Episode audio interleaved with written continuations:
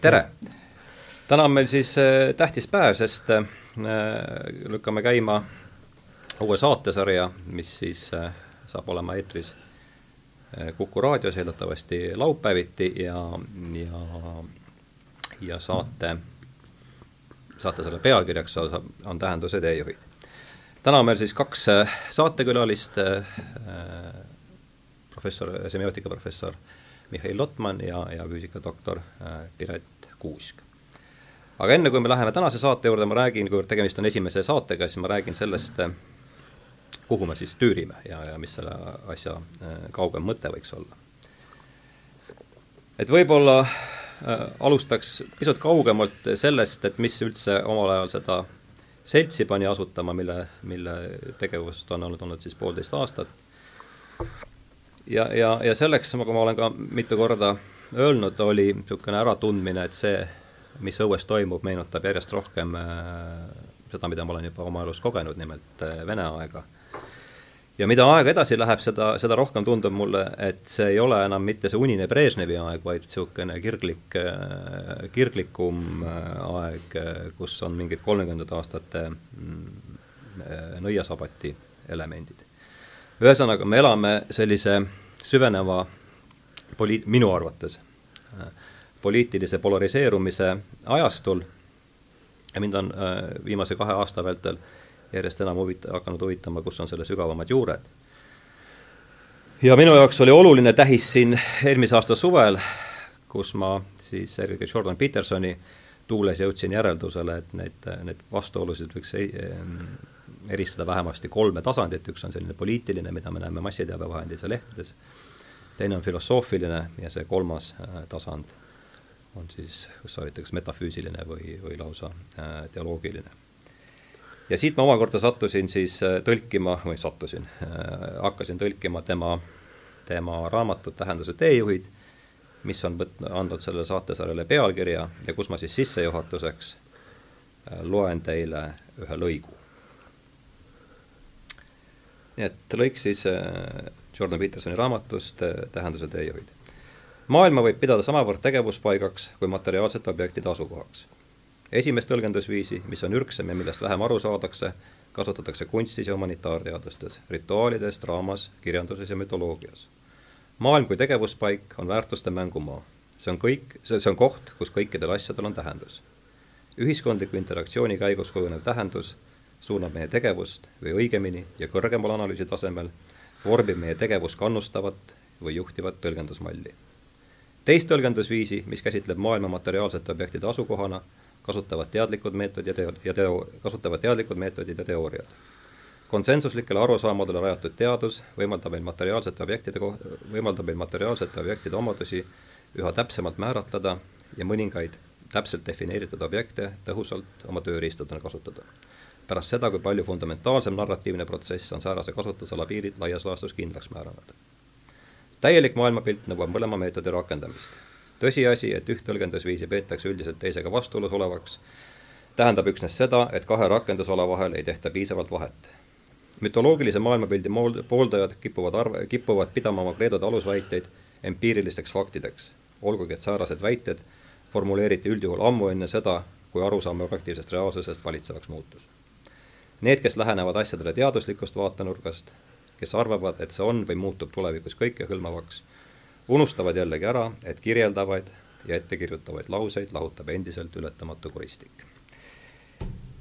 sellega olen ma siis juhtinud tähelepanu raamatule, mm, mis on andnud saatesarjale pealkirja ja lähme siit, kuivõrd see tähendus on siin üks keskne mõiste, siis alustamegi meie tänast, tänast kolmekõne siis äh, sellega, et räägime natukene, mis on tähendus ja ja mida see üldse tähendab. Ja meil eelneva kirjavahetuse käigus kerkisid siin üles siis äh, kolm nime, Charles Ogden äh, ja Richard, vabandust, Aivar Richards, Aivar Richards, kes kirjutasid tuhande üheksasaja kahekümne kolmandal aastal siis teose Tähenduse tähendus ja, ja teiseks siis analüütilise filos-, analüütilise filosoofia isaks peetav Gottlob Frege ja alustame võib-olla siis tähenduse tähendusest ja ole hea, Mihhail. aitäh. no alustame lihtsalt tähendusest ja ütleme, e-, eesti keel on selles mõttes väga ilmekas. tähendus on see, mis on tähtis ja kõik, mis on tähtis, sellel on tähendus.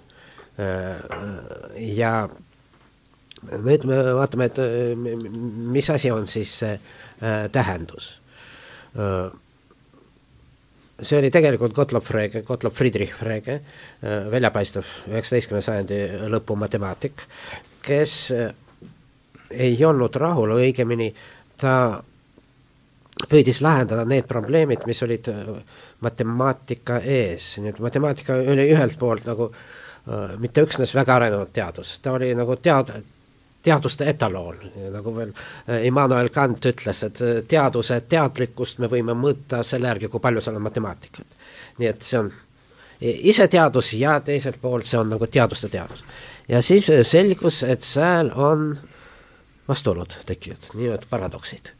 ja teine asi oli see, et matemaatikad on küll matemaatika on küll täppisteadus, aga kuidas matemaatikud mõtlevad, seda keegi, keegi ei tea. matemaatikud ise on üsna kummalised inimesed ja äh, Frege ise oli kummaline inimene ja äh, no vot, ja siis tema, mida ta tegi, kõigepealt ta eristas kahte tähenduse tüüpi.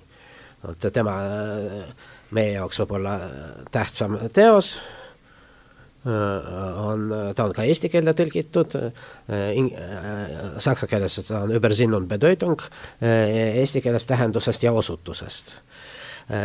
nii, vot need on kaks erinevat tähenduse liiki. ja mina eelistaksin küll rääkida mitte osutusest, tähendusest ja osutusest, aga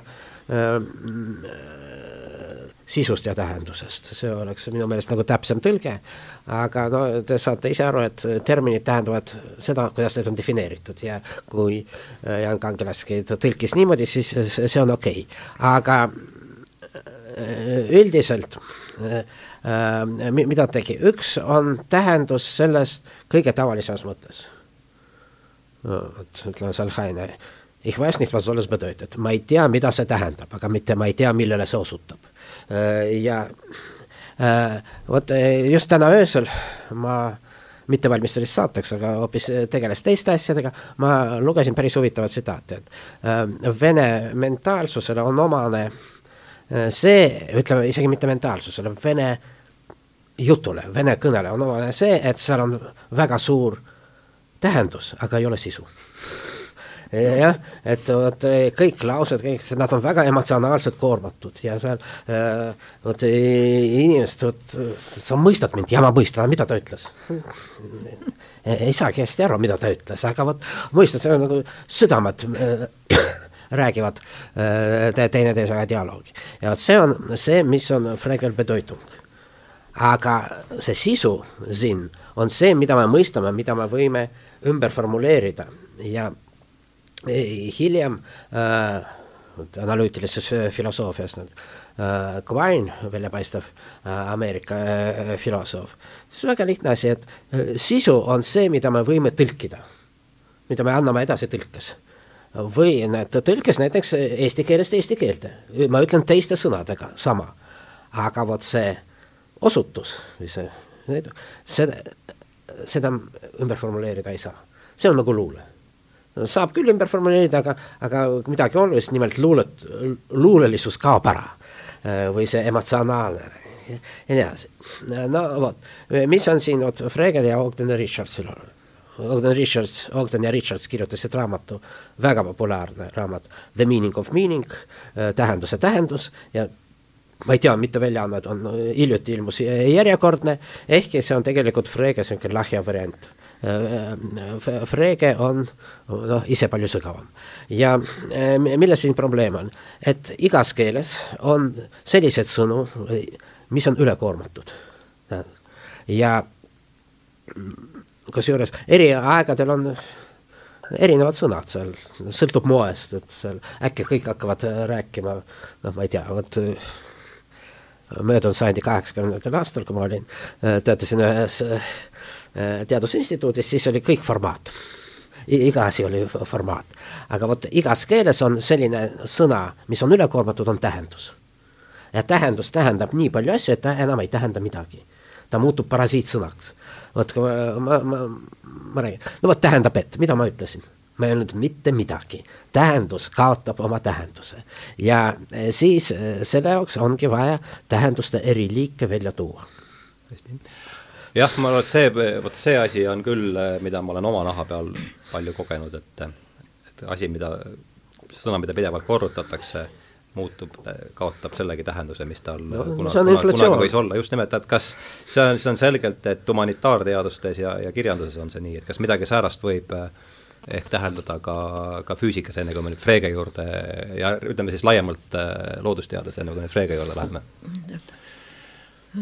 Täppisteadustes, vähemalt selles osas, millega mina tegelen, see on matemaatika ja teoreetiline füüsika, kasutatakse sõnu vastavalt definitsioonidele, tähendab, sõnakasutuse aluseks on kokkuvõttes mingisugune definitsioon, ükskõik, kas siis tuleb see vaatluste ja katsete korraldustest või tuleb ta matemaatikast, aga kui sõna kipub oma, ühesõnaga omandama mitmesuguseid tähendusi, siis alati vaadatakse, kuidas seda on vaja defineerida, et nendest mitmemõttelisustest lahti saada. nii et selles mõttes äh, olen äh, mina niimoodi väga kaugel äh, lihtsalt niisama kõnest ja kirjandusest kus sageli mängitakse just nimelt mitmemõttelisuste peale ja metafooride ja niisuguste asjade peale. oma erialatöös peavad täppisteadlased hoolega hoiduma mitmemõttelisustest ja rääkima sõnadega, mille, milles igaühte on võimalik täpselt defineerida ja selles mõttes noh, ma vaatasin nii seda raamatut Meaning of Meaning, esimest peatükki rohkem ei jõudnud, ja olen lugenud ka Freget ja nende erinevus, jah, Mihhail ütles väga õigesti juba, et, et see The Meaning of Meaning on Frege lahjendatud variant. Frege eelis on just selles, et ta püüdis minna täpsete definitsioonide ja täpsete mõistetega nii kaugele kui võimalik ja tema töö matemaatika aluste alal, kui lugeda seda eesti keeldegi tõlgitud aritmeetika alused, siis sealt algusest, alguses, kui seda lugeda, siis saab näha, et Frege kui matemaatik luges äärmiselt hoolega kõikide omaaegsete õpikute ja matemaatikaraamatuste sissejuhatusi see on see, mida harilikult jäetakse lugemata ja minnakse kohe sisu juurde, esimene peatükk, kus on definitsioonid, millest juttu tuleb ja on aktsioomid ja nii edasi, nii edasi. aga tema luges neid, neid sissejuhatusi ja sealt nägi, et need alusmõisted, millega näiteks noh, kompleksmuutuja teooriat või, või kas või aritmeetikat või reaalarvude teooriat, kuidas sisse juhatatakse, et see on niivõrd ebakindel, igaüks räägib isemoodi. ja sealt sai ta siis, sealt tuli tema soov neid sissejuhatusi korrastada, teha selgeks, mis asi on arv. ja sealt hakkas peale tema, tema töö, mis lõpuks viis keelefilosoofia või õigemini keelelise pöördeni filosoofias ja nii edasi ja oma tähenduse teooria sõnastas ta äh, ka äh, sel viisil, et äh, selle, mida mina olen alati tundnud Frege kolmnurga nime all, aga nagu Mihhail ütles, et tegelikult on see pärit hoopis sellest The Meaning of Meaning raamatust, kus ta on jah, tõesti ka olemas. et seal need kolmnurga tipud, mis siis nii-öelda äh, lõdvalt öeldes tähistavad äh, siis isikut, kes kasutab märki, siis objekti, mida märk sümboliseerib ja märgi tähendust ehk see, kuidasmoodi see objekt on antud isikule. et siin, siin on need, need selle kolmnurga tipud on defineeritud ja äh, Frege tegi seda järjest süveneva täpsusega, mis, mis lõpuks siis viiski tema nendele tulemustele, mida ta saavutas nii filosoofias kui matemaatika alustes. jah, no Äh, seda suunda matemaatika alustas nimetatakse logistitsismiks, sest ta arvas, et vot äh, kõik seisab matemaatika peal, aga mille peal seisab matemaatika, matemaatika seisab loogika peal. aga see vana Aristotelese loogika ei kõlba, siis ta pidi tegema enda oma ja ta äh, nimetas seda mõistekiri, begriffschrift ja. ja see oli tema no esimene selline läbimurre. see aritmeetika alused on juba selle pealt ehitatud ja aritmeetika alused on väga lihtne ja no, Äh, raamat ja see on nauditav lugeda ka isegi inimesel, kes ei oska midagi matemaatikast. aga see Begriffschiff, see on raske raamat, see on, see on nagu esimene matemaatilise loogika, veel ta seda sõna ei, ei kasutanud, nii, aga vot täiesti õigesti te ütlesite, et ta läheb nii sügavale, kui saab. aga samas ta ei suuda defineerida vot seda zinni, ta ei suuda defineerida sisu. Ta annab, ta annab ainult näiteid vot äh, see, ütleme, osutus saab defineerida.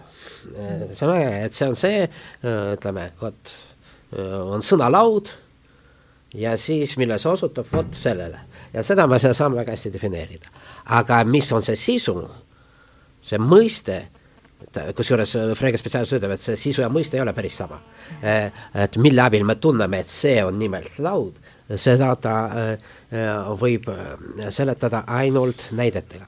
tema näited olid seal koidutäht ja ehatäht.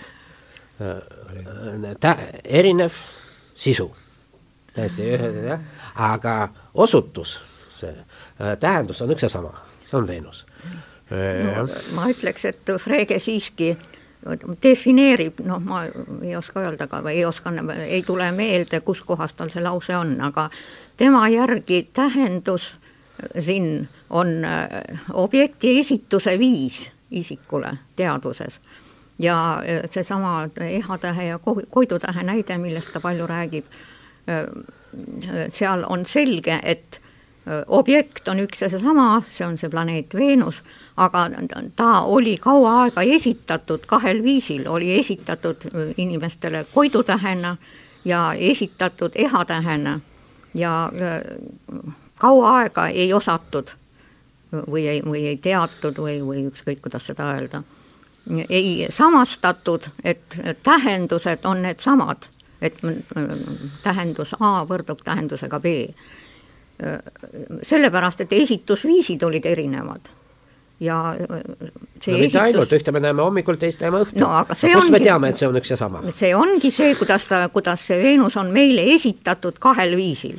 enne kui meil ei ole tõendeid, et äh, see, mida esitatakse, on üks ja seesama objekt, enne seda on meil kaks tähendust, üks on äh, samale objektile, üks tähendus on koidutäht, teine tähendus on ehatäht ja, ja see väljaselgitamine, et tähendused on seotud ühe ja sama objektiga, see on täiesti mittetriviaalne tegevus inimeste jaoks.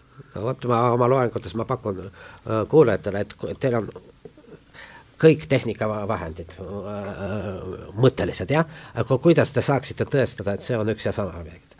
no tavaliselt räägitakse sealt midagi teleskoopidest, ei jah, äh, no äh, lihtsam variant on see, et teil on vaja äh, ütleme, kosmoseaparaadi ja seal on mingi sõber, kes lendab üsna kaugele selle orbiidile, et ta näeks nii Veenust kui ja sidevahendid, kas sa näed seda, mul kadus ära, mul ei kadunud, jah. aga vot Kepler tõestas seda ilma igasuguse kosmoseaparaadida räägime sellest, ma arvan, et keskmine raadiokuulaja, kuhu ma pean ka ennast kahjuks ei no, ei tea sellest. no ta tegi, ta tegi, need on väga keerulised kalkulatsioonid, eriti tol ajal, käsitsi kõik, jah. ta, ta arvutas välja taevakehade orbiite. no üldiselt seda juba Ptolemaios tegi, aga tema tegi natuke teistmoodi ja no vot, siis selgus no esiteks see selgus, et äh, need päevakehad liiguvad elliptilistel äh, orbiitidel, mis oli juba suur skandaal, et see ellipsis ei ole nii tä-, nii täiuslik kuju kui see. Äh, ja siis küsiti, et miks jumal siis tegi ellipsist. ja tema vastus oli, et ta tahtis kuula, kuulda sfääride muusikat aga siis no ta arvutas välja see EH-tähe ja Koidu tähe orbiiti, selgus, et sama orbiit. ja veelgi enam, et nad on samas orbiidis, alati samas kohas ja siis sellisel juhul on no, mõistlik oletada, et tegemist on ühe ja sama taevakehaga siin me oleme siis jõudnud, jõudnud äh, loodusteaduse meetodite juurde. Nimelt no,. Äh, punkt üks, äh, loodusteadus reeglina ei loo kirjeldusi mitte, mitte reaalselt olemasoleva kohta, sest reaalselt olemasolevat me niikuinii ei, me, me ei, ei tunneta vahetult, nagu ütles juba Immanuel Kant vaid loodusteadus tegeleb mudelitega. see tähendab mingisugused mm, lihtsamad versioonid, mis seletavad seda, mida me vaatlustes näeme. Kepleri mudel oli matemaatiline mudel kokkuvõttes.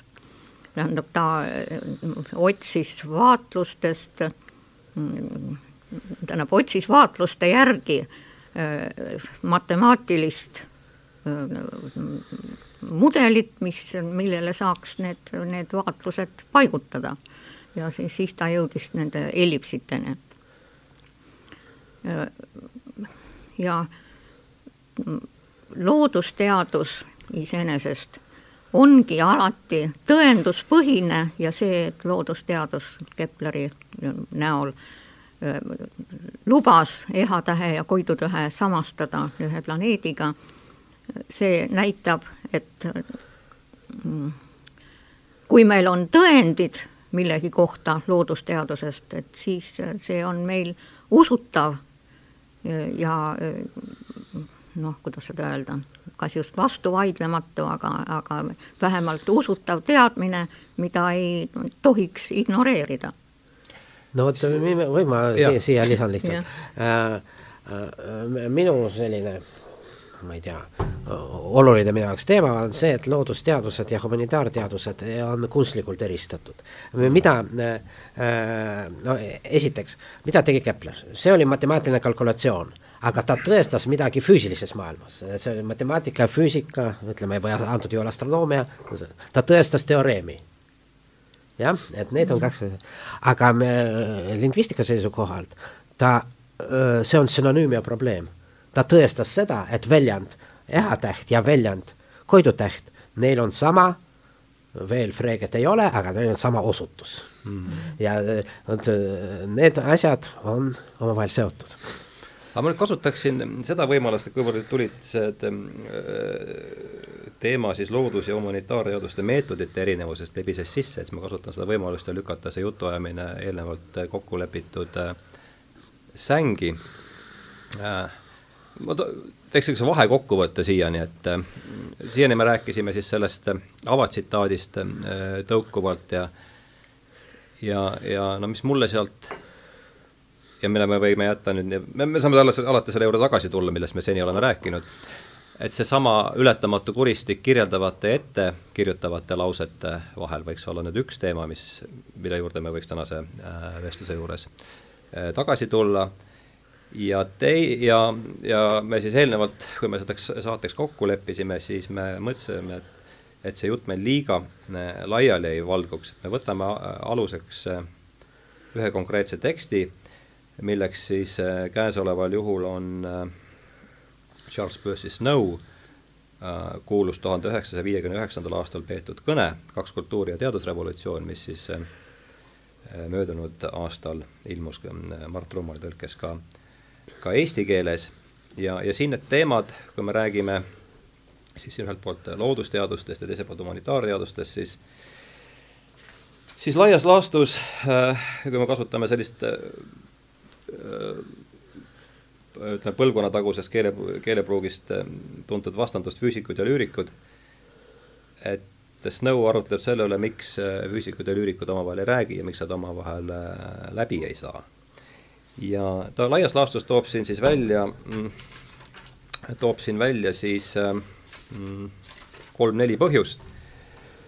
üks on see, et füüsik, äh, vabandust, lüürikud arvavad, et füüsikud on ülbed, äh, mm, füüsikud arvavad omakorda, et äh, et siis lüürikud on totalitaarse ideoloogia saadikud, siis ta süüdistab lüürikuid ka ludiitluses. Nii et äh, läheme võib-olla edasi nüüd selle Snow raamatuga, veel kord ma siis äh, näitan seda, näitan seda siis ka äh, kaamerasse, sest saate tuleb ka video, video kujul Youtube'i siis.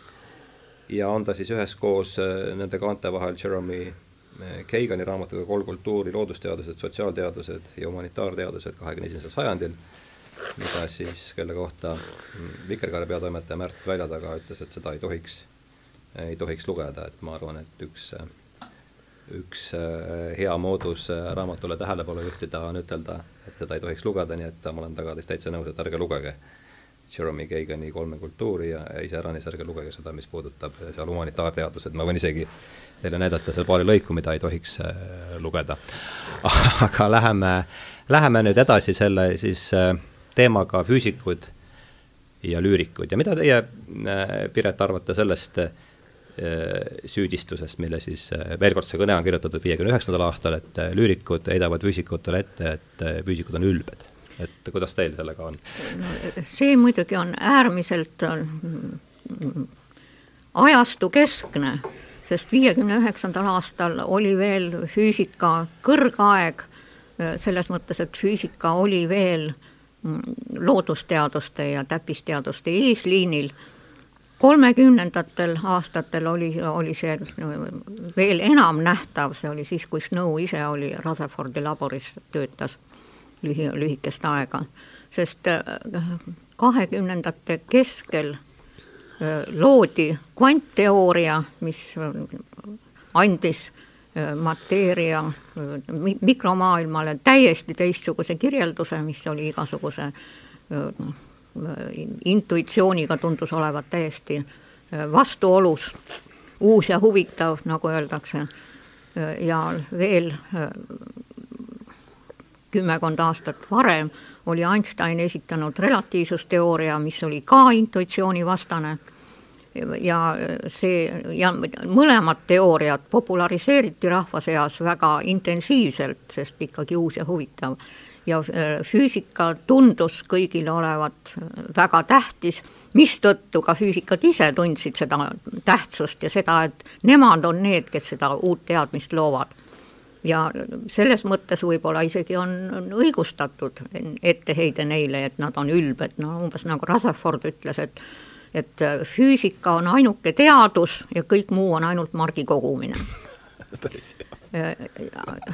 Aga viiekümnendate aastate lõpuks, kui isegi pommid olid juba valmis tehtud, siis äh, tasapisi hakkas, juba hakkas huvi füüsika vastu kaduma ja praeguseks on, on see noh, paljuski kadunud.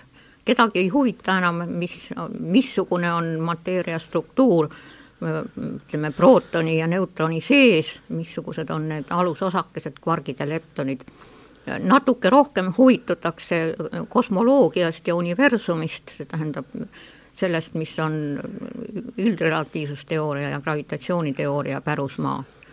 aga kuna sealt tuleb uusi tõendatud seisukohti väga vähe, siis füüsikud on ammu kaugel sellest, et nad tunduksid teistele ülbetena. Mis puutub füüsikute etteheidet humanitaaridele, siis seda ma ei oska kommenteerida, sest et mm, sel ajal, kui mina äh, hakkasin vaatama, mis ühiskonnas toimub, see tähendab seitsmekümnendatel või äärmisel juhul kuuekümnendate lõpul, siis olid humanitaarid no Nõukogude Liidus pigem dissidendid kui, kui võimule lojaalsed.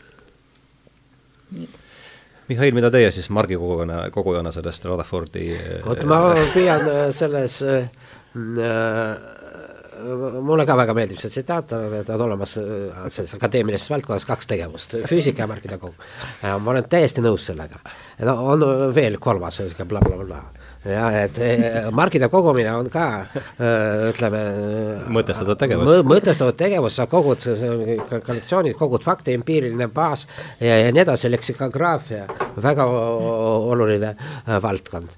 aga vot, vot kolmas on see, et lihtsalt vot mul tekkis selline huvitav teooria, millel ei ole ei füüsikalist ega ka margilist alust. aga selles oma humanitaarvaldkonnas ma püüan olla nii füüsik kui margikoguja.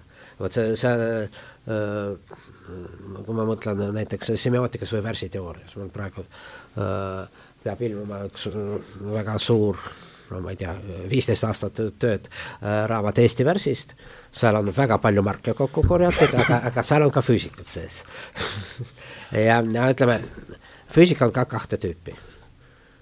No üks on äh, selline eksperimentaalne, me äh, analüüsime mingisuguseid mis asi on eksperimendid, me nagu torgime loodust, et ta, ütlen, see Descartesi idee, et loodus on nagu avatud raamat, ainult kompetentne inimene oskab seda lugeda, aga see eksperimentaator, see natuke seda loodust torgib, no võin natuke no ütleme seal Šveitsis väga kõvasti torgib, jah, et siis see raamat hakkaks rääkima meile.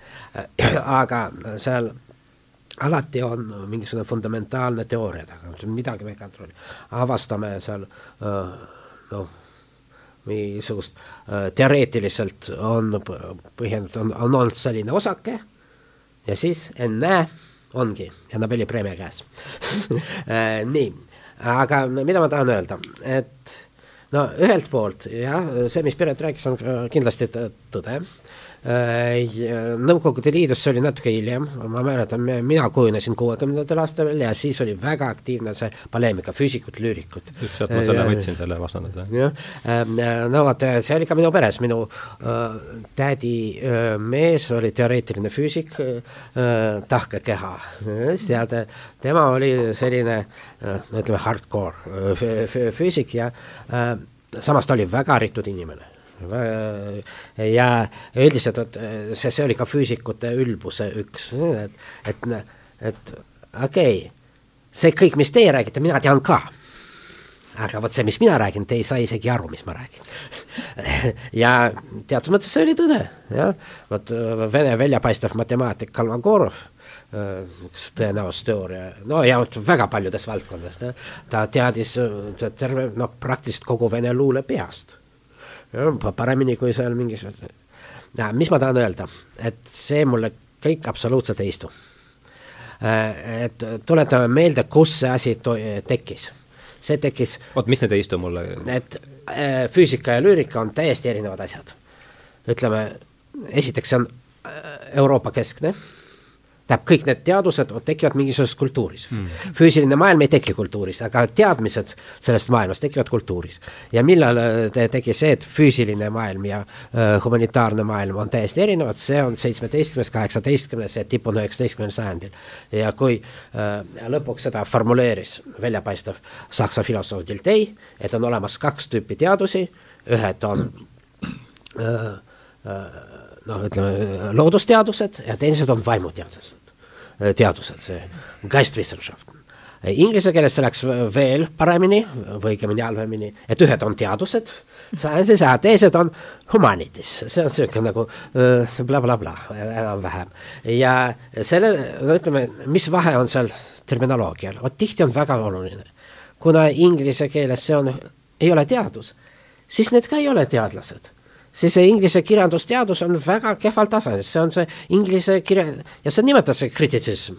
see, see on kriitika, seal üks väga lugupeetud professor veel, no muidugi tegemist on möödunud sajandi seitsmekümnenda aastaselt, tõsimeeli rääkis, et et kui raamatus on negatiivne kangelane, siis tegemist on halva raamatuga see, see oli täpselt nagu see, kusjuures see Inglise, see prestiižse ülikooli professor, see ei olnud see on täpselt sotsialistlik realism, jah, vot äh, sotsialismi ajal äh, antagonistlikke konflikte ei ole, on ainult konfliktid hea ja väga hea vahel äh, jah äh,, hea ja suurepärase, vot äh, see хорошего с отличным äh,. nii, aga kui me vaatame teaduse teket, ütleme, võtame Aristoteles, kes ta on füüsik, ta on filo-, filosoof, ta äh, on kirjandusteadlane jah, ja terve keskaeg ja renessansi aeg, muuseas, need on universaalsed, kes oli no vot relvameister Leonardo da Vinci, vot ta ennekõike ta oli relvameister. ta tegi selliseid relvi, mida keegi enne ei, ei osanud mõelda ja oskas teha ka selliseid kindlusi, mida keegi ei saa vallutada. nii, aga muuseas veel kirjutas päris häid luuletusi. No ma ei räägi juba sellest, et ta kritseldas vahel ja, ja, veel tegeles anatoomiaga. Albert Dürer, optika, jah, optika, aga ka füsioloogia ja muuseas ka kunstnik. ilmselt Goethe oli viimane, kes seal seisis veel seal kusagil. no ei, no Goethe oli viimane selline globaalse sünteesi.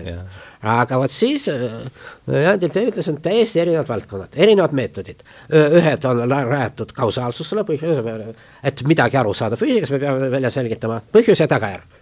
see kausaalsus on kõige aga äh, nendes geistwissenschaften, vaimu äh, seal on arusaamine ja see ei ole lineaarne protsess, vot seal, äh, vot füüsikas on teadmiste kogumine seal. Ja see läheb otse teed ja see homme me teame, täna me teame rohkem kui eile, homme me teame veel rohkem ja, ja nii edasi.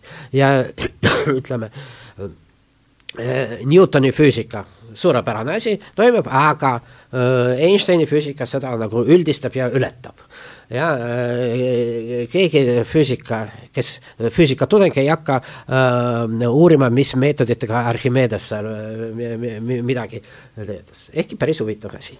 Ähm, äh,. ja nii edasi, aga äh, humanitaarteadus ei ole kumulatiivne, seal ei ole progressi. Seal me, me ei saa öelda, et me, me teame seal ütleme isegi filosoofias, me ei saa öelda, et me ületasime Platonit möödunud sajandi väljapaistev inglise filosoof. Whitehead, me teame teda äh, ennekõike Bertrand Russelli kaasautorina see Printsiip ja matemaatika kaheköiteline fundamentaalne teos, mis, mis ületab omakorda Freget, jah. no vot, ta ütles, et kogu filosoofia ajalugu on ääremärkused Platoni dialoogidel, teostel. nii, natuke üle pakutud, aga teatud iva seal on, Platon ei ole ületatud Archimedes on, Platon ei ole mm. -hmm. kui me selleks saateks siin ette valmistasime, siis äh, Piret soovitas mul lugeda äh,, ma olen väga tänulik selle soovituse, ma seda ka tegin äh,, ma ei võta kahjuks seda akadeemiat siia stuudiosse kaasa praegu, ma seal ees olen, kas ilmselt Wolfgang Spoon oli see, kellele, keda te soovitasite? ja see oli väga huvitav just sellest humanitaar ja, ja natura-, kaks tuhat, pärast ma teises, saate teises pooles näitan seda, keda see võib-olla huvitab teisigi et seal ta ka ju arutab autor selle üle, et kas äh, humanitaarteadustel ja loodusteadustel, mis need eristab. et kas neil on fundamentaalselt erinev meetod ja nii palju, kui ma sellest nüüd kiiruga jõud lugedes aru sain, on ikkagi see, see veelahe, äh, mis autor välja toob ja mis minu arust on, on asjakohane, see on see normatiivsuse aspekt on see, see, see oluline ja minu arvates see, et ühed on äh, humanitaarteadustes on see normatiivsuse, normatiivsuse aspekt, see ettekirjutav aspekt palju tugevamalt esindatud ja, ja võib-olla ma küsiksi, küsiksingi siis ja teine moment, mis ma siin Mihhaili jutust välja noppisin, on just see, see progressi külg, eks, et et kuivõrd on need kaks asja nüüd omavahel seotud. et kõigepealt, mis te üldse arvate sellest, sellest väi-, Spooni väitest, et ei ole niivõrd äh, humanitaar- ja loodusteaduste vahel erinevus selles, et et see meetod oleks niivõrd erinev, kuivõrd just see ettekirjutav aspekt seal sees. ja, ja kuidas te näete seost selle äh, normatiivsuse ja siis selle progressi puudumisega humanitaarteadustes, ma loodan, et see küsimusele enam ei meelgita. tähendab, Spoon on muidugi tõsine teadusfilosoof, kes saksa tõsidusega arutleb äh, küsimuse üle, mis eristab loodusteadusi ja äh, humanitaarteadusi ja oma arutlustega näitab ta üsna veenvalt, et suuresti ei ole vahe mitte uurimise objektis, noh siis peaks tegema Descartesi moodi eristuse, et ühed on asjad ja teised on vaimud, mis tänapäeval on täiesti anakronistlik. ja samuti ka ei ole, ei saa eristada väga tugevasti meetode, sellepärast et ka humanitaarteadustes on palju meetode, mis annavad meile tõenduspõhise teadmise. see tähendab, uuritakse sotsioloogias inimeste kogumeid täiesti objektiivsete näitajate põhjal ja nii edasi ja nii edasi. aga oluline kokkuvõttes, mis eristab reaal- ja ütleme, loodusteadusi ja humanitaarteadusi, on see, et loodusteadused vaatavad oma uurimisobjekte, ükskõik, kas need on siis asjad või, või mingisugused inimeste näiteks vastused küsimustikule, vaatavad kolmanda isiku perspektiivist ja selles, selles mõttes väljastpoolt. Ja meetodid võivad olla täiesti analoogilised. aga humanitaarteadustes on veel lisaks sellele on esimese isiku perspektiiv, see tähendab, mina vaatan, mina näen ja mina arvan ja mina otsustan, mida kolmanda isiku perspektiivist, vähemalt seni veel mitte, ei osata kirjeldada ega, ega sisse tuua. Ja esimese, noh, selles Spooni artikli pealkirjas oli juttu ka normatiivsusest ja normatiivsuse erinevus on siis ta näeb seda selles, et kolmanda isiku perspektiivist vaadatuna on muidugi normid kindlasti olemas, sest ühiskonnas on palju norme ja isegi loodusteadustes on oma normid, mida tuleb jälgida, kui, kui tahta kanda teadlase nime. Aga loodusteadustes kehtivaid norme ja loodusteaduslikes uuringutes kehtivaid norme saab kirjeldada kolmanda isiku seisukohalt need asjad peaksid olema nii ja nii, aga humanitaarteadustes on lisaks sellele veel nii-öelda sisemise normatiivsuse aspekt, see tähendab, et kas ma võtan selle välise normi omaks, siis on see norm juba mitte ainult, et nii peaks olema, vaid ma tunnistan, et nii on ja see on oluline vahe, mis, mis Spooni arvates lubab teha äh, eristu või tähendab öelda, et loodusteadused ja humanitaarteadused on siiski oluliselt kaks ise asja. Nii, me siis oleme stuudios tagasi väike, pärast väikest vaheaega ja ja me jõudsime eelmise poole lõpus äh, artiklile, mille ma Pireti soovitusel läbi lugesin.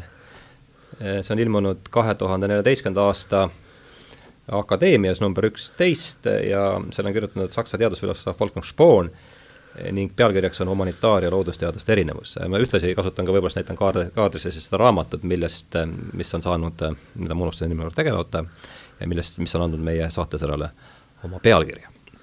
nii, ja ma noppisin üles enda jaoks siis eelmise poole lõpust kaks asja. üks, ühe mõtte andis siis Mihhail ja see on mulle ka äh, pikka aega ma olen niimoodi arvanud, et et üks asi, mis ise, ise siis eristab humanitaarteaduse loodusteadustest, on see, et humanitaarteadustes ei ole progressi, täpselt teadused, teadmised ei ole seal kumulatiivsed, samal ajal kui loodusteadustes no see ei ole minu mõte, see on jaa, ei muidugi, jaa, jaa, loomulikult, loomulikult, ega see on ka päris selge. aga lihtsalt Mihhail sõnastas selle minu jaoks, minu jaoks viimati ja, ja Piret tõi jällegi sisse selle teesi, mis siit Spooni artiklist läbi käib, on see, et, et just see esimese isiku humanitaarteadustes on see esimese isiku vaatenurk väga oluline ja me teame, et esimese isiku äh, teadmiste piir on, on, on sealmaal, et äh, nagu seesama Peterson on kusagil asja öelnud, et meie esimese isiku teadmiste kogusumma on kolm last ja, ja, ja sada aastat heal juhul.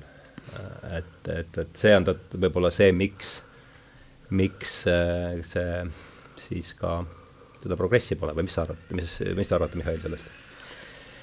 No äh, esiteks ma tahan öelda, et see Spooni probleem on puhtsemiootiline, on olemas kaht erinevat semiootilist süsteemid, ähm, see, seda on ka kirjeldatud, näiteks Emil Benveniste, ühed on ähm, sellised objektiivsed, äh, näiteks mitmestada on kolmekümne esimene ja kolmekümne esimene jaanuar kaks tuhat kaheksateist ja äh, see on objektiivne.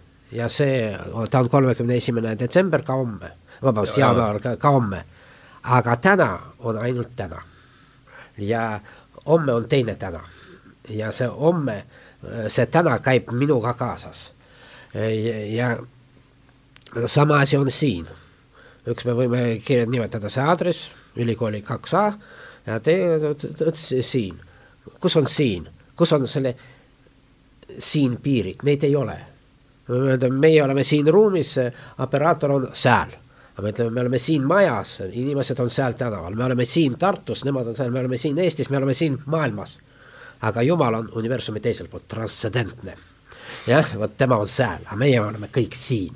Äh, äh, nii ka, mis asi on praegu, kaua see ket-, see Goethe probleem, et peatu hetk. kuidas hetk saab peatuda? vaata, me, me, mina olen selles hetkes, äh, kuidas on mina no kui ma sündisin, siis mul, mul olid täitsa teised rakud. jah, ma nägin teistmoodi välja.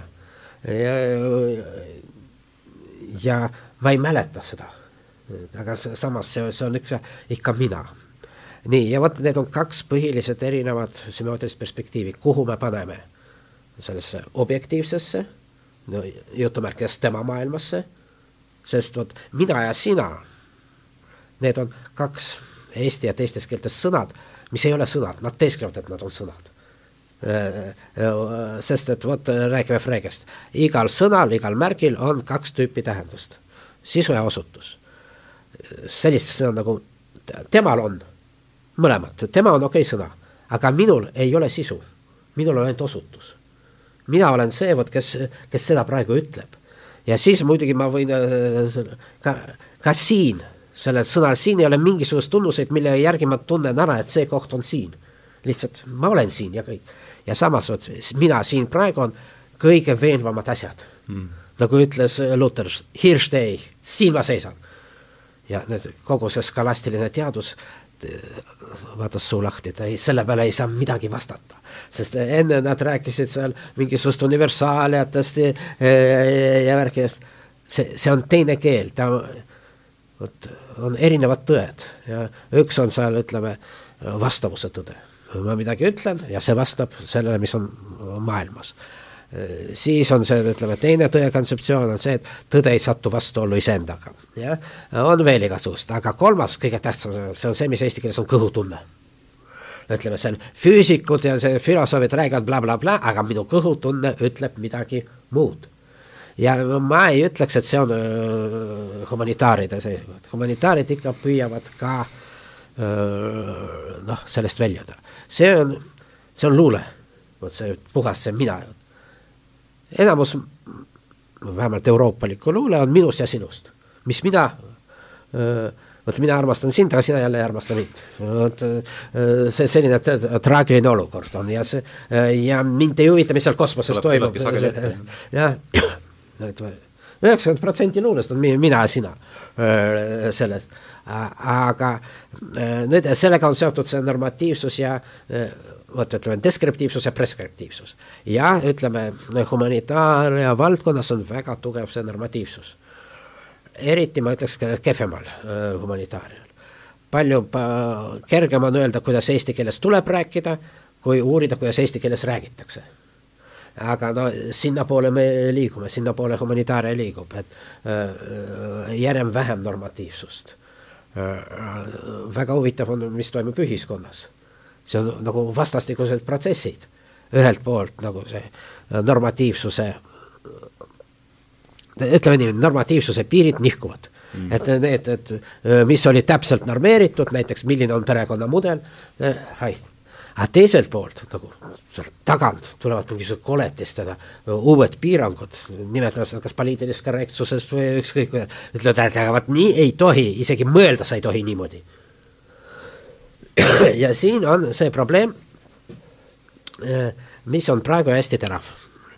see, see on, ütleme, looja ja looja ja loodu vahekord ütleme füüsikas ja matemaatikas või teisi ei ole oluline äh, selle füüsiku moraalne pale. Et vot nagu äh, ma ei oska eesti keeles öelda, vot äh, nõukogude ajal oli väga oluline, see nagu kolm asja, et see iseloomustas direktsioon, ametiühing ja parteikomitee. Ja seal oli nii äh,, poliitiliselt bogadadžožn, moraalne ustõtšiv, et see pa, pa, poliitiliselt on niisugune nagu usutav ja moraalselt ka nagu see ei, ei no ütleme, see ei loge, on moraalselt kindel jah, äh, ja see, see oli väga oluline, kui sa ei ole, siis sind sinna reaktori juurde ei lasta. no tegelikult lasti, aga üldiselt äh, siin muidugi on väga hea teada, et, et ütleme, Einstein oli ka väga hea inimene, jah. Äh, see, aga mõni ei olnud, aga see ei loe. isegi mõnikord see halb inimene on eelis. Ma toon näite hoopis matemaatikast üsna traagiline lugu oli üheksateistkümnendal sajandil väljapäästva saksa matemaatiku Riemanniga. tema hakkas kahtlema see Euklidese süsteemi selles kuuendast Euklidese aktsioomide postulaadid on natuke segamini, ütleme see, mis praegu nimetatakse kuues aktsioom, Euklides oli pigem postulaat. vot, ühesõnaga paralleelsetes liinides. ja temal oli selline idee, et nad lõpmatused, nad lähevad laiali.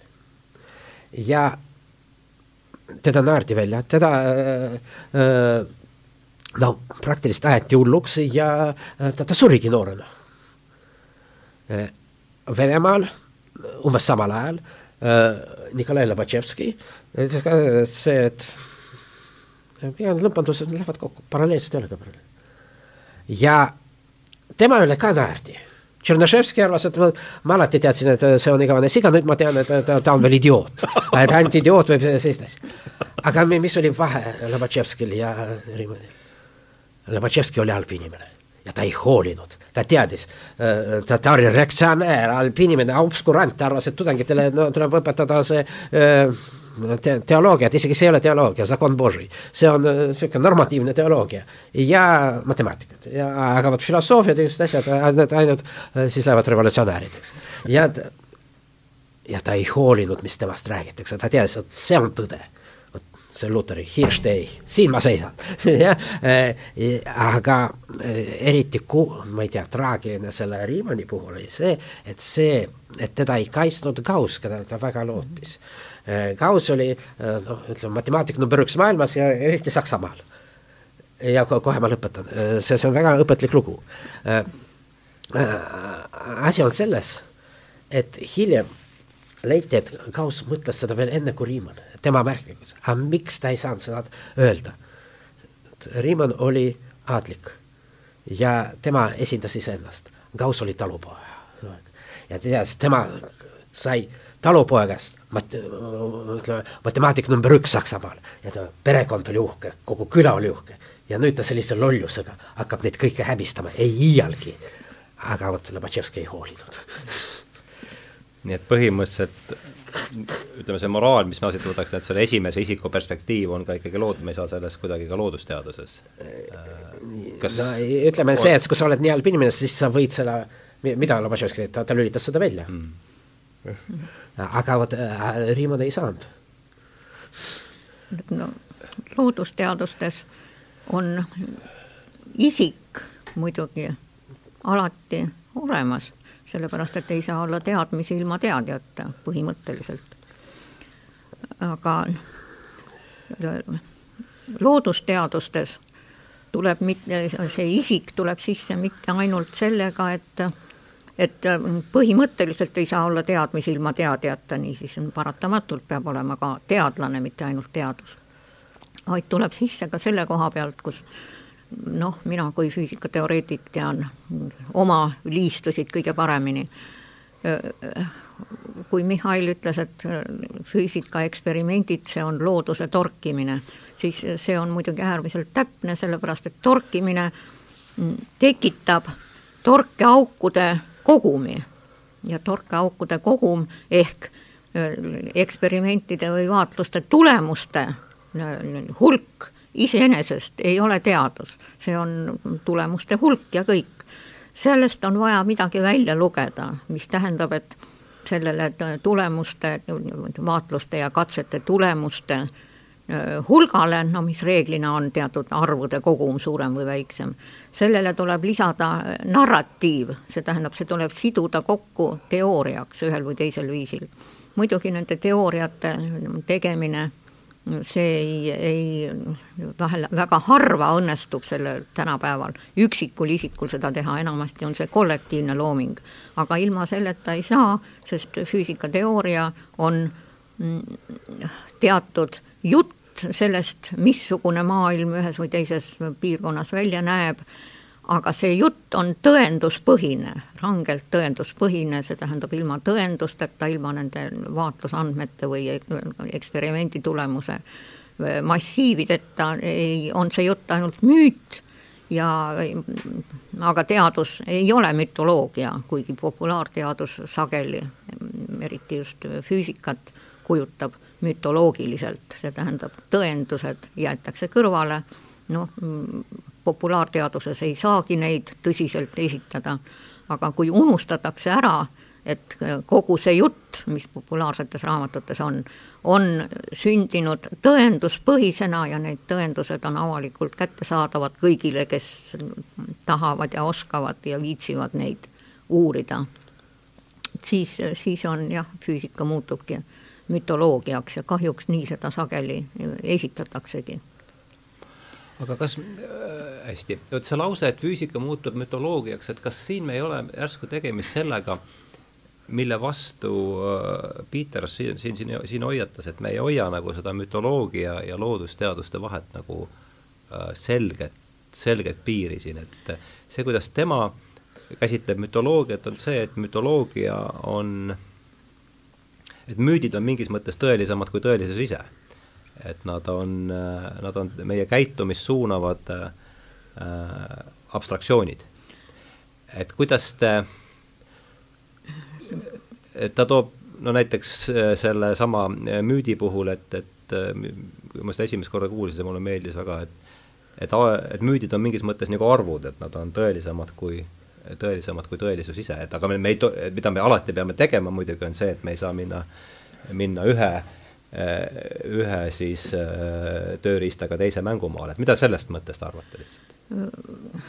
müüdid on ühiskonna ajaloos ja kultuuris muidugi olnud alati väga olulisel kohal, aga tänapäeval kui ma ütlesin, et füüsika muutub mütoloogiaks, siis ma mõtlesin selle all rangelt populaarteaduslikku esitust, mis sageli ongi tehtud hästi põnevaks ja unustatud ära, et kõik need väited, mida seal esitatakse, need on tõenduspõhised, neil on tõendused kas katsetest või, või vaatlustest. ja varasemad müüdid, noh, Vana-Kreekast alates, nendel tõendus oli ainult, ma arvan, ma ei ole asjatundja et oli vast see, et alati on niimoodi mõeldud või et oli keegi Thales, kes arvas, et uni, tähendab, mateeria aluseks on vesi, oli vist Thalese arvamus niisugune. tänapäeval see ei loe enam tõendusena. ja loodusteaduste suur eelis ja su mõte on just nimelt selle tõenduspõhisuses samal jutu jätkuks. Mm, jah, äh, vot müütidega on äh, veel kurvem lugu kui tähendustega, see et äh, on olemas suur müütide mütoloogia, aga on olemas ka müütide markide kogumine ja on olemas ka müütide füüsika. näiteks Claude Lévi-Strauss, väljapaistev antropoloog, tegeles rohkem sellise müütiliste füüsikaga. ehkki ta arvas, et müüte on äh, parem süstematiseerida ja kirjeldada, kasutades mitte loomulikku keelt, aga sellist nagu rohkem nagu muusikalist mõtlemist, et see on selline polüfooniline struktuur mm -hmm. ja äh, mis ei ole põhimõtteliselt lineaarne. Äh, ja no vot, seal ta on palju kirjeldanud lõuna korda palun see nimi üle veel, ma ei no, Claude Lévi-Strauss, kirjutatakse Strauss mm. -hmm nagu need teksad peaaegu ainult et äh, tal on, levi on teistmoodi i-ga, mitte y-ga äh,. Eesti keelde on äh, tõlgitud nüüd ma, nüüd juba ma ei kuulnud äh,. ennekõike strukturaalne antropoloogia, aga no tema põhiline teos on neljaköiteline mütoloogilised. jah äh,, no vot, aga mis seal on ja ta ütleb, et no kuidas enne teda, enne teda no ütleme, väljapaistev äh, prantsuse antropoloog Lucien Lévi-Brühl, äh, ta ütles, et on olemas kaks tüüpi mõtlemist. üks on loogiline, teine on, mis ta ütleb, preloogiline. või me võiksime öelda, see on mütoloogiline. mütoloogiline mõtlemine rajaneb kahel asjal. kontaktil ja sarnasusel ütleme, vot on olemas kaks põhilist maagiatüüpi. üks on see, et ma kuskil võtan sinu juuksed ja siis nendega manipuleerin, see on niisugune kontaktne jah, asi. või no vot tüüpiline selline jutumärkides tüüpiline jah, see on nakkushaigused, jah. puudutan sind, oled nakatunud. see on niisugune müto-, mütoloogiline, ütleme. või teine on sarnasus ja teen siis sinu tüüpilise nuku äh,, hästi tuntud äh, Hollywoodi filmides äh,, siis torgin seda ja sul on valud. või seal ütleme, kui me vaatame seal väljaspool äh, seda Hollywoodi, väga sarnane asi oli näiteks ka idaslaavlastel äh,, aga seal rohkem mitte nagu haigust, no see oli ka haigus ja on oluline, et see Ivan hakkaks mind armastama. ja siis vot see manipuleerin mingi lehega, mis on Ivan aga see armastus on muuseas ka haigus, see on päris huvitav äh, asi, et vot muuseas nakkushaigus jah, äh, no vot, see on selline preloogiline mõtlemine, aga loogiline mõtlemine on kausaalne. mida näitab Levi-Strauss, et see on öö, omakorda mütoloogia, et need mõlemad mehhanismid on meil sees. Ja me, me ei ole öö, targemad kui see öö, ütleme saksa, inglise keel-, vabandust, prantsuse keeles see on metsik inimene, jah. Äh, eesti keeles äh, kasutatakse tavaliselt traditsiooniline, mis on veel halvem termin, sest äh, me kõik oleme traditsioonilised. no vot, esiteks, meil on kõik seesama on ja, ja vot räägite, kõhutunne ütleb meile, et just nimelt see mütoloogia on kõige tähtsam. aga ka nendel arhailistel inimestel neil on kalsoloogiline mõtlemine, nad ka süstematiseerivad, neil on teised süsteemi, äh, süstematiseerimise alused.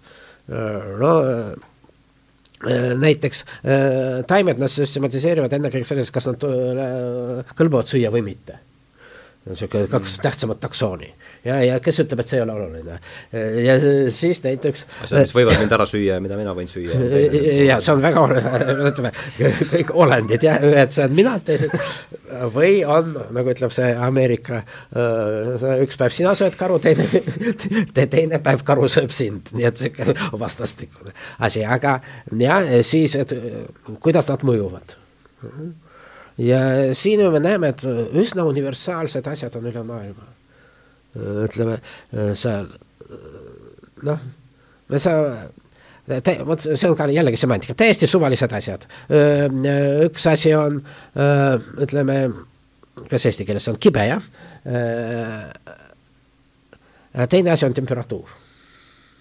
ütleme, see pipar ei ole kuumem kui piparmünt sellegipoolest, kui küsida, kumb on kuum, kumb on külm, siis mitte keegi ei eksi, jah.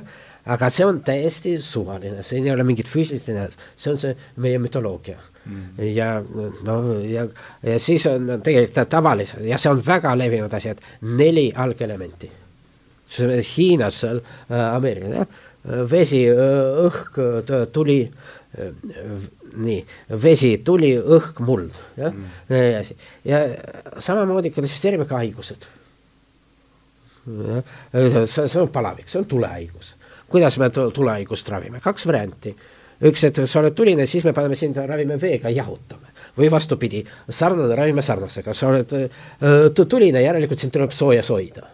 ja, ja, ja nii edasi. noh, vaatame tänapäeva homeopaatia samadest asjadest ja äh, see kõik, need vanad mudelid ei ole kusagile kadunud mm. Ja vot ma oma kultuurisemiotika loengus ma alati räägin, et ei tohi olla üleolev mingisugust teist.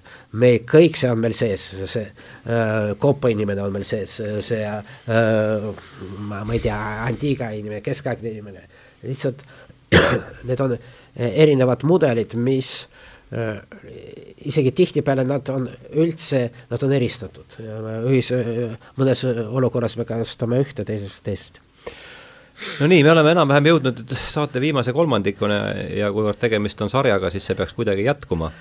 ja, ja võiks hakata mõtlema, kuidas seda silda siit ehitada sellest saatest järgmiseni ja, ja selle, sellega seoses mulle väga meeldis see see teema, mis meil tuli vaheajal jutuks, kus Piret hakkas rääkima sellest, et mis sorti teadmisi meil üldse siis on ja et võib-olla jätkamegi sealt, sellest äh, materiaalsest elust ja siis te teadvusest, et see tundus mulle, kerkis ootamatult üles, aga oli väga huvitav.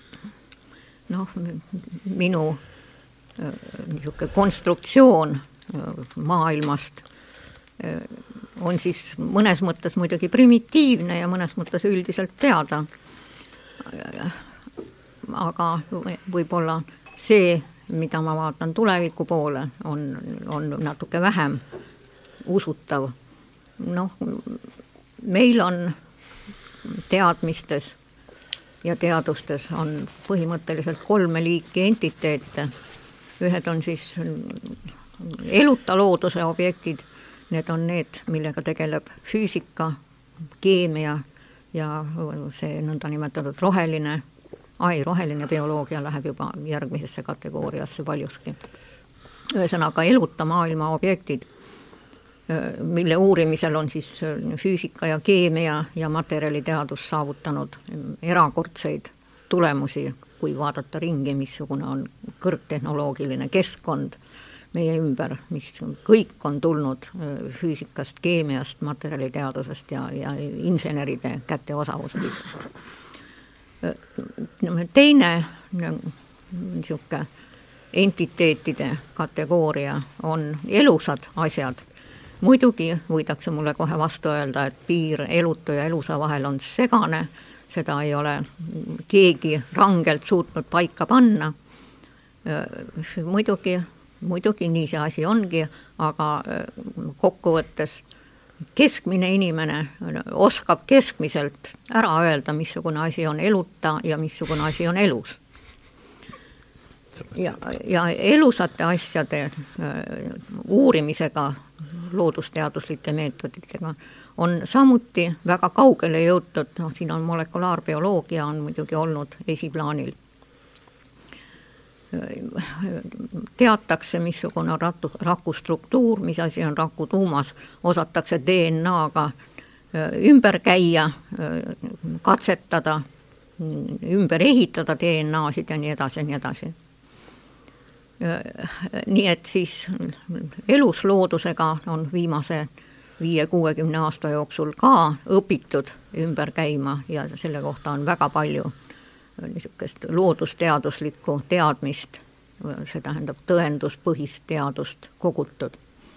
aga siis on veel kolmas kategooria, see on nimelt vaim, see on see, mille abil me mõtleme, arutleme, mis on meie teadvuses. selle uurimine muidugi on kindlasti järjest edenev, aga selle kohta ma küll ei julgeks öelda, et selles on, on saadud nii, nii palju tõenduspõhist teadmist, nagu on eluta ja elusa looduse kohta saadud. ja põhiline, mis mind huvitaks, on ikkagi, kuidasmoodi on teadvus seotud oma nii-öelda materiaalse kandja ehk ajuga sest igaüks, no see on juba tõenduspõhine, et kui ei ole aju, siis ei ole ka teadvust. kui aju jääb haigeks, siis teadvus kaob ja nii edasi, kui pea maha lüüakse, siis, siis ei ole selles jah, siis aju sureb, sest verevarustus lõpeb ja nii edasi.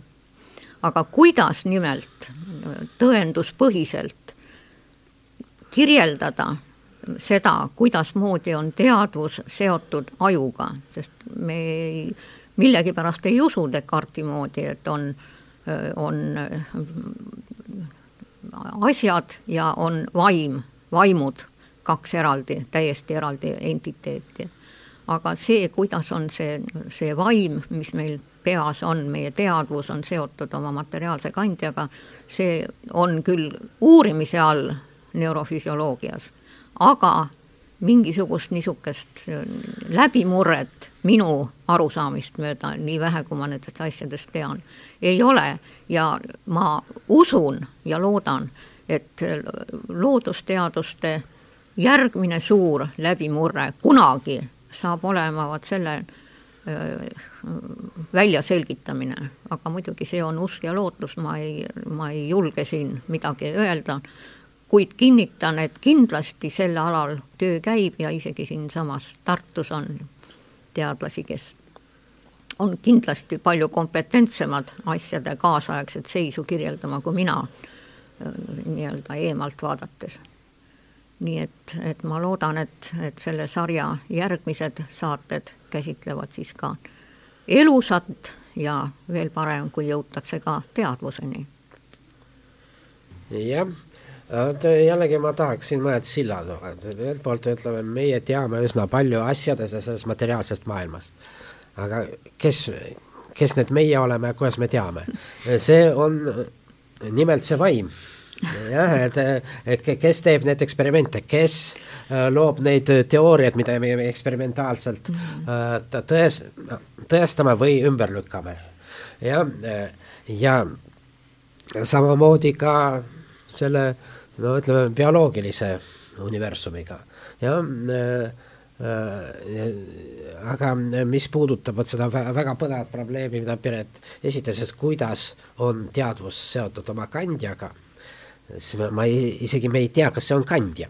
me teame, et nad on, kindlasti nad on seotud, jah. aga kuidas nad on seotud, kas see aju on see, mis genereerib teadvust? ütleme, kas see on see orkester, mis mängib või see on see raadio asi äh,, mis võtab vastu ja edastab mm. jah, ja, ja, ja nagu mõlemad teooriad on no ütleme üsna populaarsed ja kumbki ei ole ümber lükatud meil ei ole sellist vot nagu seal reaalteaduses, me ei saa siin teha otsustavat eksperimenti. ja me isegi ei kujuta ette, kuidas selline eksperiment võiks välja näha, et seda ümber lükata. et seal on mingisugused kaudsed asjad, et kuidas juhtub nii, et maailma erinevates kohtades seal ütleme, matemaatikud korraga tulevad samale teoreemile, jah. mitu korda on juhtunud see on? üheksateistkümnes sajand ja nii edasi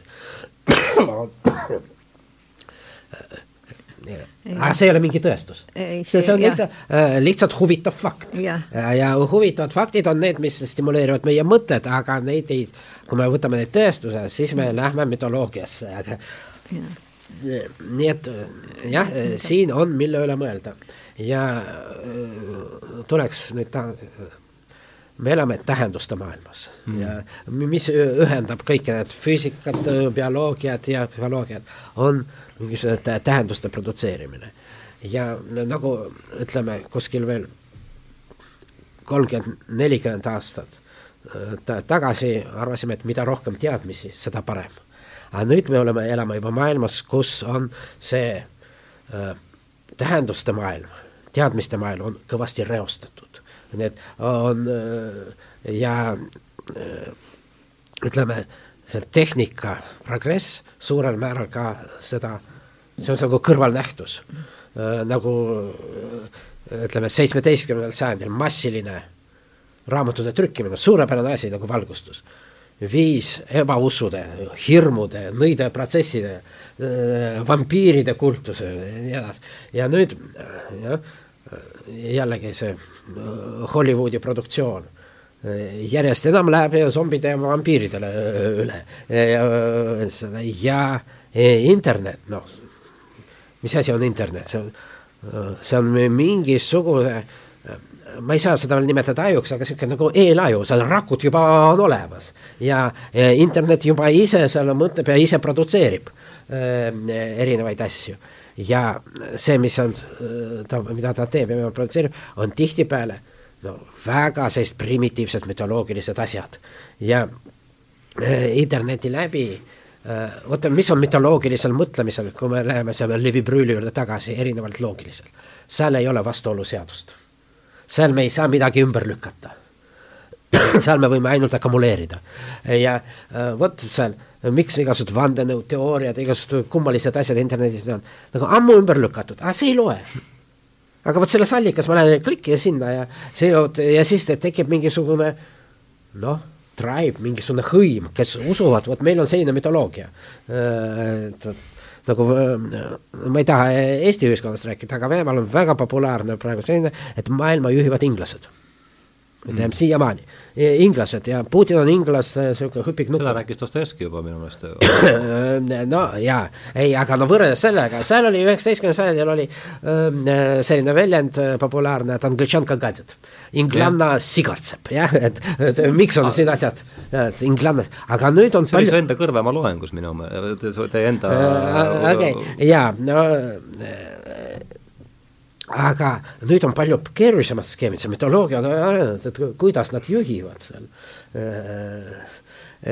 ja, ja see on nagu mingisugune nagu hõim, mingisugune tribe, et meil on ühised usud, meil on ühised tabud, meil on ühised, et, et kes ütleb, et inglased tegelikult ei juhi, need on ajuloputatud no Eestis ka samamoodi, et noh, kes veel usub, et see mingisugune Al-Qaeda need kaksiktorme, come on, juba ammu ümber lükatud, kes ümber lükkas, on mingisugune seal nende guru ja nii edasi, sellised, aga kes usub, kes seda ei usu, see on ajupestud ja mul on ka, mul on kahju sinust, et sa ei usu see, seda, mis on ilmne, vot see, see on see, see on see erinevus, ütleme, füüsikal ja müüdil. müüt on ilmne, aga füüsika ei ole. Jah, sellised, sellised asjad. Ja siin ma tahakski, vot kui me rääkisime sellest Snowst, et seal on väga huvitav teema seoses ludiididega. Ja siin ma võtaks seda natuke laiemas mõttes ma lihtsalt täpsustan, et see on üks äh, väide, mis tuletan meelde, et, et see tuli nagu ootamatu sisse, mida Snow siis toob jah, siis selles äh, äh, raamatus, kus ta või mis ka raamatus, see on, äh, see on äh, Snow kõne on siis no, osa raamatust nagu,, kus ta jah, aga nad on avaldanud vist raamatuna eraldi ka. Ja, ja, ja, ja aga siin on ta siis ja, ja kus ta siis arutleb selle üle, et miks füüsikud ja lüürikud omavahel läbi ei saa ja, ja siis siin üks teine osa kõnest ütleb, et intellektuaalid on, või selle kannab siis pealkirja intellektuaalid kui loomupärased ludiidid ja, ja Mihhailil oli see, oli see teema südamelähedane, nii et no ja tuletan meelde, kes olid ludiidid, ludiidid masin... olid masinate purustajad Inglismaal ja äh, muide juba siis intellektuaalid olid nende poolt, miks nad purustasid masinad? samamoodi, mis praegu on selline tohutu hirm, et tehisintellekt võtab meie tööd ära. masinad mm. võtsid meie töö ära ja tegelikult masinad tegid palju rohkem töökohti juurde, aga äh, et vot masinad on äh,, see oli esimene selline masinate vandenõu inimeste vastu ja siis me masinaid purustame ja muide Lord Byron, Inglismaa väljapaistev intellektuaal ja muuseas ka luuletaja ja, ja muuseas ka lord, jah, ta lordide palatis pidas pika kõne ludiidide kaitseks. nii et siin, juba siin intellektuaalid ja ludiidid on omavahel seotud. Nüüd on sama asjad on seotud hirmud tehisintellektiga. miks ma ei jaga neid hirme, seal on mitu põhjust. aga üks on see, vot et tehisintellektil siiamaani ei ole mina.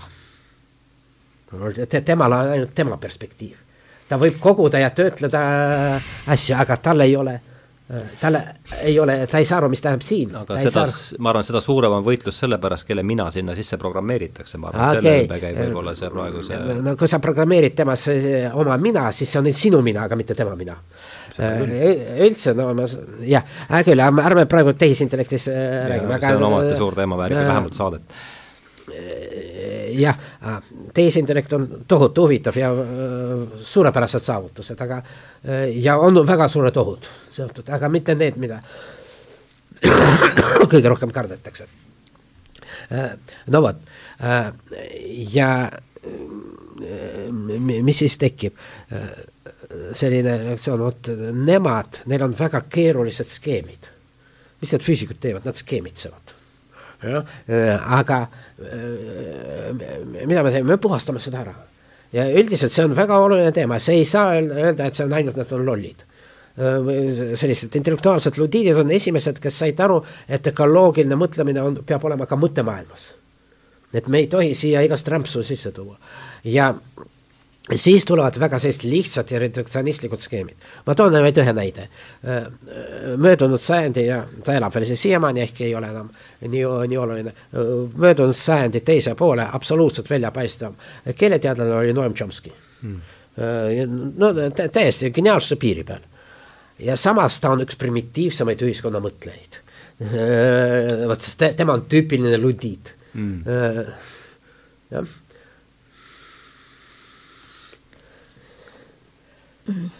Noh, mida siin kommenteerida? Sest äh, füüsika kui mütoloogia erineb muudest mütoloogiatest selle poolest, mida ma olen korduvalt rõhutanud, et iga väide on tõenduspõhine, ta ei pruugi jääda püsima, sellepärast et füüsikateooriad ja füüsikaline maailmapilt on palju muutunud ja kindlasti muutub ka edaspidi, kui me mõtleme, mm, kuidas kujutleti äh, füüsikalist maailma viissada aastat tagasi, siis oli põhiliselt veel Aristotelese äh, nägemuse järgi, siis ma olen täiesti kindel, et viiesaja aasta pärast vaadatakse meie peale umbes niisamuti kahetsusega, et mõtle, kui vähe ja kui, kui no see on väga optimistlik et, et me oletame, et viiesaja aasta pärast veel keegi vaatab meie peale no,. see on muidugi jälle iseküsimus juba, tulevikuennustus, mis, tulevikuennustused, mis ealeski ei täitu minu kogemuse järgi. aga praegune füüsika on kindlalt tõenduspõhine, see tähendab, et iga väide, igat väidet võivad asjatundjad põhjendada, olgu pealegi, et need põhjendused on, kindlasti lähevad väga keeruliseks ja ja äh, ei ole arusaadavad äh, nii-öelda laiadele rahvamassidele. vabandust, kas ma tohin siia vahele? vot minu jaoks on isegi on tähtsam mitte see, et nad, need saab põhjendada, aga neid saab ümber lükata. erinevalt vot paljudest asjadest humanitaarvaldkonnas, need Äh, kusjuures mõned arvavad, et see ongi positiivne, seda ei saa ümber lükata, aga mis ei saa ümber lükata, see sellele see teaduslikku väärtust. just jah. nimelt, see on teadusfilosoofia üks põhilisemaid seisukohti eelmise sajandi keskpaigast. jah, Karl Popper. jah, jah, nii et, et äh, seda ei tohi ka kindlasti unustada. aga äh, mis puutub nüüd teadvuse ja aju vahekorda siis oli siin vihje, et teadvusest ei saa ju üle ega ümber ka mitte füüsikud. ja ma olen täiesti nõus, et füüsikat teevad inimesed oma teadvuse abil, nii või teisiti. aga see ei tähenda, et füüsika, füüsikud ei võiks mõtiskleda selle üle, kuidasmoodi teadvus on seotud materiaalse, oma materiaalse äh, kandjaga, kui, või ükskõik, kuidas seda nimetada, seda aju. aga need uuringud on ja see mõtteliin on erinev, põhimõtteliselt erinev senisest loodusteadusest, sest see on umbes nagu uss, kes hakkab ennast savast ära sööma. füüsikud kasutavad teadvust oma tegevuses, seda ei eita absoluutselt mitte keegi. aga kui samade meetoditega üritada või loota, et mingite sarnaste meetoditega saab kindlaks teha ka sellesama teadvuse ja äh, aju vahekorra, siis äh, noh, midagi on puudu, niisamuti nagu uss võib hakata ennast küll ära sööma sabast, aga kunagi nooruses ma mõtlesin tükk aega, et aga mis siis saab, kui hakkabki. et kas siis lõpeb asi sellega, et uss pöörab ennast pahempidi aga muide, te teate, et see Uroboros. ja just mul tuli ka Uroborose. et see on tarkuse sümbol. No. ja mul tuli täpselt sama ja ka lõpmatuse sümbol.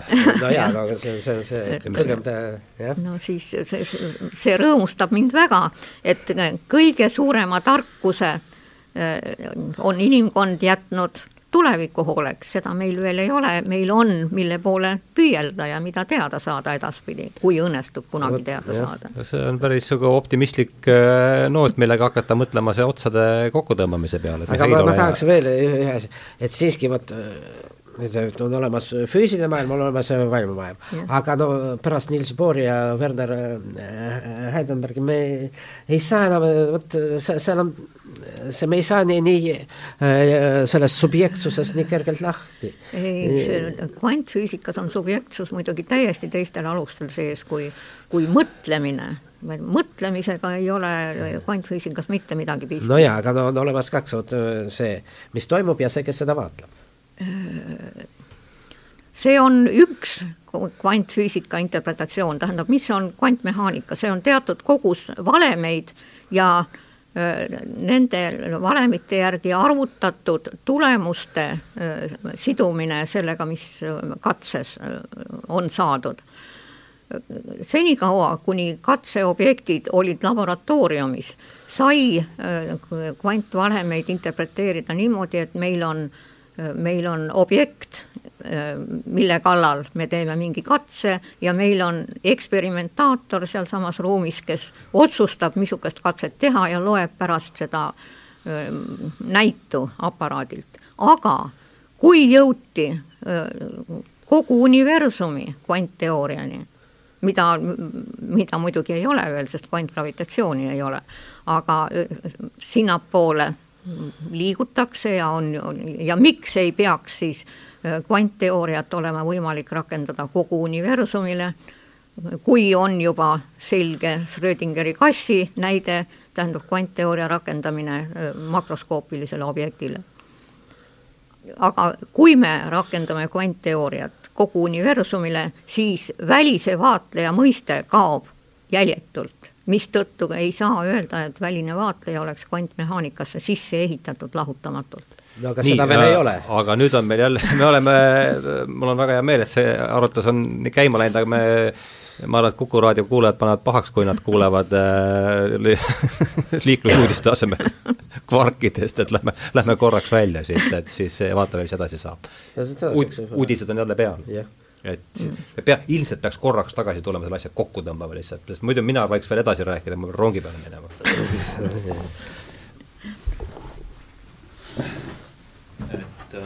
nii, praegu võib jah, rohkem ei ole uudiseid. ah, ei ole uudiseid rohkem, vabandust, aga siis tõmbame asja kokku lihtsalt, selle ma lõikan nüüd välja. et nüüd on lihtsalt see rongi, nüüd on lihtsalt see, nüüd on lihtsalt mul see rongipiirang, ma siis no,, ma kartsin, et see võib niimoodi minna, et minu oleks mina, mina pean ka instituudi tagasi ah, minema, jah, nii et. jah. Et, ja, ja.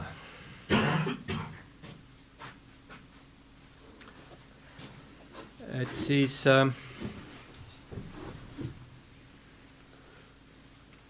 ma küsitan, äh, ole hea, äh, reageeri lühidalt sellele, mis, äh, mis Piret rääkis praegu, kui ei, või sa ei, no ma, mina, muidugi ma võin kvantmehaanikas väga pikalt ärme selle, kurat, ärme seda, ärme seda, ärme seda siis, aga võta, lõpame, ma lõpetan selle küsimusega, et mis võiks olla need teemad, mis paneksid teid äh, järgmisi saateid kuulama, et Piretist ma sain juba natukene selle neurofüsioloogia mõtte, ma kirjutasin endale juba ülesse, aga ma küsin ikkagi selle veel üle.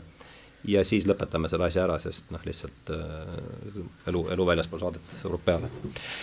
Nii, et äh, tegemist on siis esimese, esimese saatega pikemast äh, sarjast ja ma, ja ma viimase küsimuse esitaksin selle oma tänastele saatekülalistele, keda ma väga tänan siia tulemast et mis oleksid need teemad, mis äh, paneksid teid edaspidi seda saadet kuulama ja, ja vaatama, kui see Youtube'is saab väljas olema, et ole, olge hea, Piret.